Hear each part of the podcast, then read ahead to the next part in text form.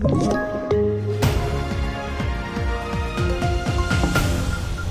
TV4-nyheterna börjar med att under natten så inträffade ytterligare en skottlossning i Eskilstuna där en man i 30-årsåldern blev allvarligt skottskadad.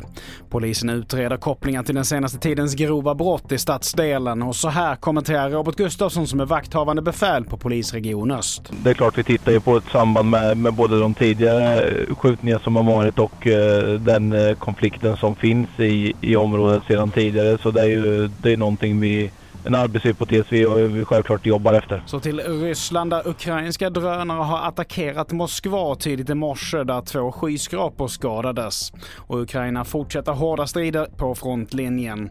Det kommer också uppgifter om att Ukraina snart ska försöka ta tillbaka Krim. Till sist, ny svensk teknik ska kunna avgöra ålder genom DNA, något som kan bli banbrytande för polisen, det rapporterar SR.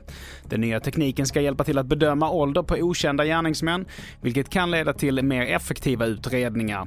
Men det krävs ytterligare några års forskning innan det kan användas i skarpt läge. Fler nyheter hittar du på tv4.se. Jag heter Mattias Nordgren.